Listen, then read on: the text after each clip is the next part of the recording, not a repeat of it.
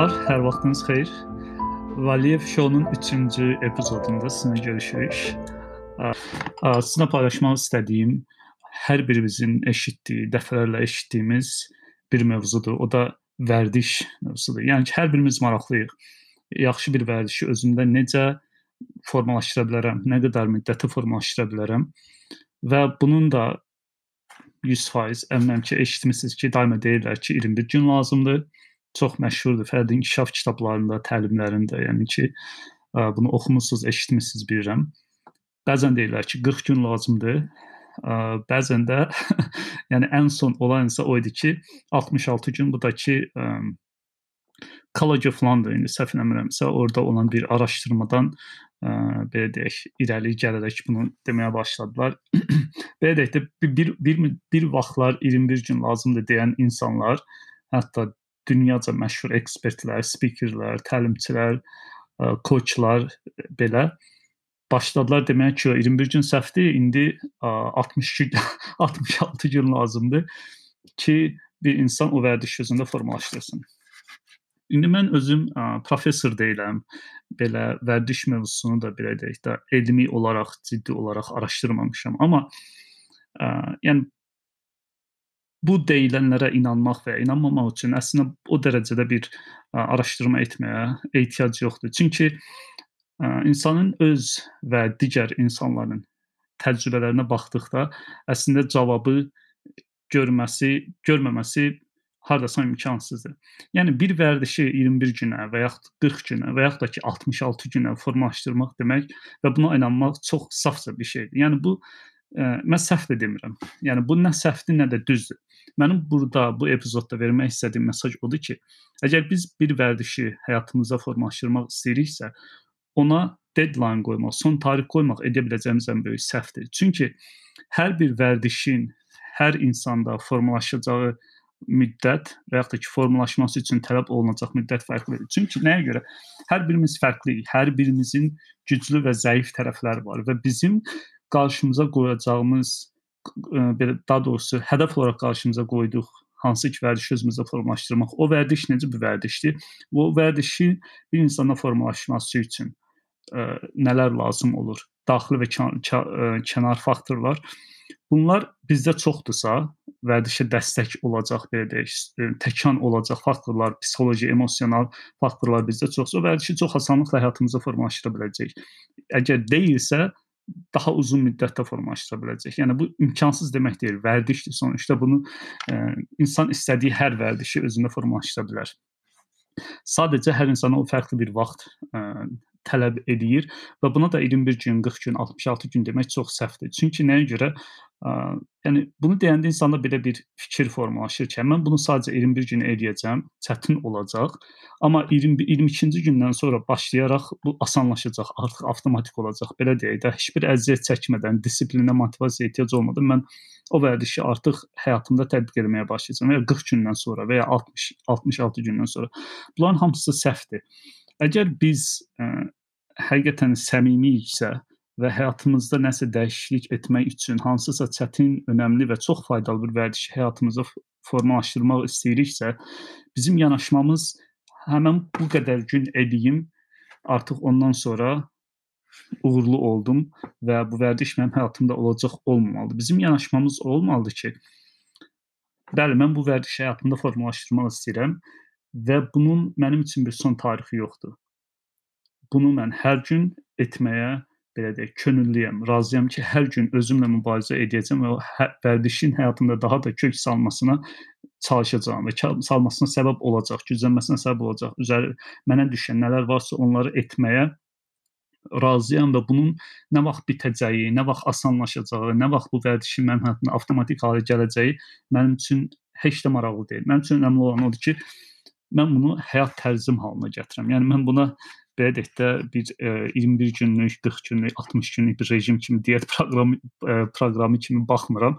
Mən bunu həyat tərzim halına gətirirəm. Çünki ə, yəni yaxşı vərdişlər, çətin olan vərdişlər həyatımızı bir bir vərdişi əgər həyatımıza formalaşdırmaq istəyiriksə, demək ki, əgər o vərdiş həyatımızda formalaşsa, çox ciddi, yaxşı mənada pozitiv dəyişikliklər gətirib çıxaracaq.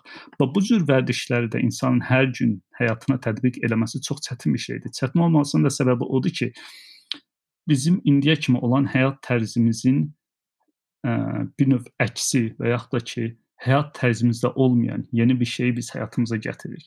Və ə, Buna qarşı biz psixoloji olaraq, emosional olaraq, bioloji olaraq bizdə daima bir ə, qarşı rəftar olacaq, əks rəftar olacaqdır və bu bunu çətinləşdirəcəkdir. Buna görə də əvvəlcədən qəbul etməliyik ki, əgər xəyal qırıqlığı yaşamaq istəmirsinizsə, öz güvəninizi itirmək istəmirsinizsə 21-40 gündən sonra və s. və axır qəbul edəcəksiniz bir bu hər kəs üçün çətindir. Yəni sadəcə sizin üçün çətin deyil. İkincisi, bunun nə vaxt tamamlanacağını biz yox, yəni proses özü təyin edəcəkdir. Bir gün baxacağıq ki, artıq bunu bir eləmək bizim üçün asanlaşıbdı. Hətta asanlaşdıqdan sonra sonra asanlaşdıqdan sonra belə bizdən disiplin tələb olacaq ki, o vərdişi həyatımıza qoruyub saxlayaq. Əgər onu qoruyub saxlamasaq, qeydinə qalmasaq və yaxud da ki, belə deyək, qeydinə qalacaq ə, qədər ayıq sayıq olmayıb üzərimizə düşəni etməsək, o vərdiş həyatımızdan çıxıb gedəcəkdir. Çox asanlıqla. Buna görə də ə, yəni vərdişə bir diet proqramı kimi, neçə günlüksə bir diet proqramı kimi, bir rejim kimi baxmayacağıq. Əgər həqiqətən uğurlu olmaq istəyiriksə və ümidimizi itirmək istəmiriksə, özümüzə olan, gələcəyimizə olan ümidimizi itirmək istəmiriksə, bir gün saymayacağıq. İkincisi qəbul edəcək ki, bu hər günlük olacaq, gündəlik olacaq bir mübarizədir və biz bunu etməyə hazırıq. Uğursuz ol olacaq bəzi günlər, amma yenə davam edəcək. Üçüncüsü, son tarixin nə vaxt olacağı biz təyin eləmirik. Bizim üzərimizə düşən odur ki, hər gün bunu həyatımıza ə, tətbiq eləmək və belə deyək də həyatımıza kök salmasını asanlaşdırmaqdır. Ə, belə. Yəni ki, 21 gün olacaq, 60 66 gün olacaq, 40 gün olacaq, nə bilim 100 gün olacaq. Bunlar hamısı bilmirəm, yəni hardan gəlib? Əslində bunu da araşdırmaq lazımdır bəlkə də. Əslində 21 günü birdən, 21 gün bir dənə ə, adı səhv eləmirəmsə Maxwell-da bir Maxwell adlı bir ə, həkimdən gəlibdi. O həkim ə, plastik cərrahiyyə cərrahiyyə eləyir insanlarda və bəzən görüb ki, insanların bəlli görünüşünü dəyişdikdə, yəni ki, sifətlərində və sair və axır, o insanların özlərində olan, özlərinə qarşı, özləri haqqındakı düşüncələri və sair də dəyişir və bu adətən 3 həftə, 4 həftə ərzində formalaşır və bundan sonra belə bir nəzəriyyə irəli sürüb ki, hə 21 günə insan bir vərdiş özündə formalaşsa və həyatını dəyişə bilər. Yəni bu bəzi vərdişlər elədir. 21 gün hər gün onu siz eləsəz, ondan sonra onu eləmək sizin üçün çox asan olacaqdır. Amma bu hər vərdişə aid deyil. Yəni ki, dediyim kimi nə səhvdir, nə düzdür. Yəni oradan gəlibdi. O da hardasa 1920-ci illərdə, əgər səhv xatırlamıramsa, 40 gün 40 gün də səhv eləmirəmsə dini ədəbiyyatlardan daha çox irəli gələn bir şeydir. 66 gün isə College of London güya ki, ə, çox böyük bir kəşfidir. 66 günə vərdişi vərdişi necə günə formalaşmağa cavabını tapdılar güya ki. Ə, yəni mən bir növ də bəlkə ə, elmə, araşdırmaya qarşı yanmış kimi səslənir. Bu xeyr elə deyil. Yəni əsla elə deyil. Əlbəttə ki, mən ona qarşı olsam bu qədər oxumaz, araşdırmazdım.